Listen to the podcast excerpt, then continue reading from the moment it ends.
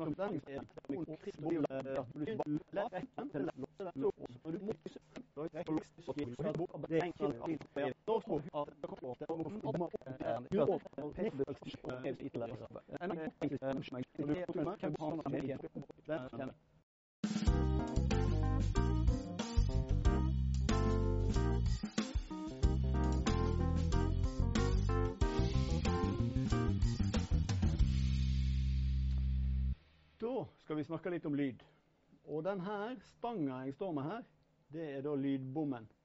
Den skal vi ha mikrofonen på. Og det er et triks når du tar ut og inn bommen. Denne blir jo veldig lang. Eh, og eh, trikset er at du begynner Når du skal ha den ut, så begynner du bakerst.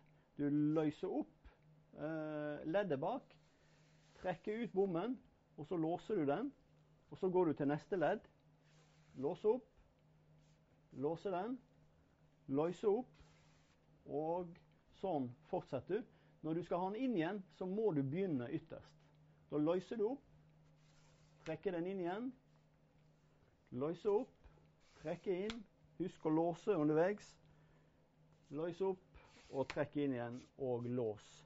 Og husk at når du bruker bom, så ta bare ut det du trenger. Sant? Ikke lag den lenger enn du absolutt trenger til det opptaket du skal ha. Eh, da er den bare i veien. Eh, når du da skal holde bommen, så husk på at eh, du skal komme så tett som mulig på subjektet.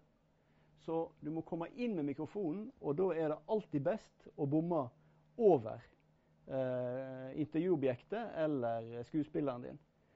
Grunnen til at du vil komme over og tett på, det er at eh, når mikrofonen peker nedover, så får du selvsagt stemmer, men du slipper òg å, eh, å, få med viftestøy i, i, taket eller eh, fly som passerer over.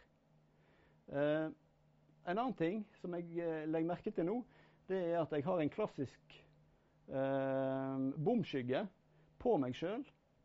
Og det er en klassiker når du bommer, det er at eh, fotografen setter lys i rommet, og når du kommer inn med bommen, så har han satt et lys sånn at skyggen av bommen din faller inn i dekken og over skuespilleren. Så ved obs på bomskyggen. Den kan eh, fort bli irriterende når du kommer i klippen.